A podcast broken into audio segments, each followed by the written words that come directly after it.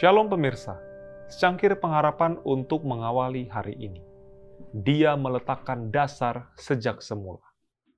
Dan pada mulanya, ya Tuhan, Engkau telah meletakkan dasar bumi dan langit adalah buatan tanganmu. Ibrani 1 ayat 10. Allah yang agung itu telah menjadikan bumi ini.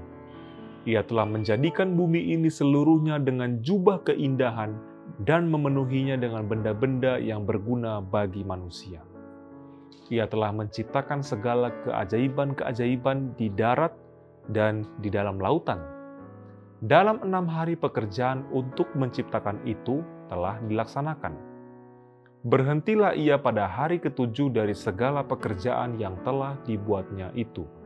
Lalu Allah memberkati hari ketujuh itu dan menguduskannya, karena pada hari itulah ia berhenti dari segala pekerjaan penciptaan yang telah dibuatnya itu. Allah memandang akan hasil perbuatan tangannya dengan puas. Segala sesuatunya sempurna, layak disebut ciptaan ilahi, dan ia pun berhenti, bukan seperti seorang manusia yang merasa lelah, melainkan karena merasa senang dengan segala hasil dari hikmat, kebajikan, serta penyataan kemuliaannya.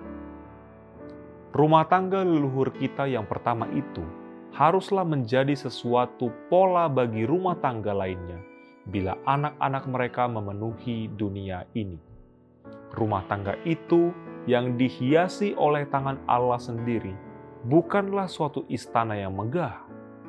Manusia di dalam kesombongannya menyukai peralatan yang mewah serta mahal dan bermegah-megah di dalam benda-benda buatan tangannya.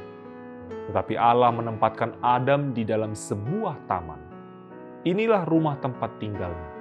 Langit yang biru merupakan atapnya Bumi dengan bunga-bunganya yang indah serta permadani rumput adalah lantainya. Dan dahan serta daun-daun pohon yang indah merupakan tempat bernaungnya. Pada dinding-dindingnya bergantungan hiasan-hiasan yang indah, hasil ciptaan seniman yang agung itu. Di sekeliling pasangan yang suci itu terdapat satu pelajaran bagi segala zaman bahwa kebahagiaan yang sejati bukan terdapat di dalam pemanjaan akan kemewahan serta kemegahan, tetapi di dalam persekutuan dengan Allah melalui hasil ciptaannya. Demikianlah renungan kita hari ini.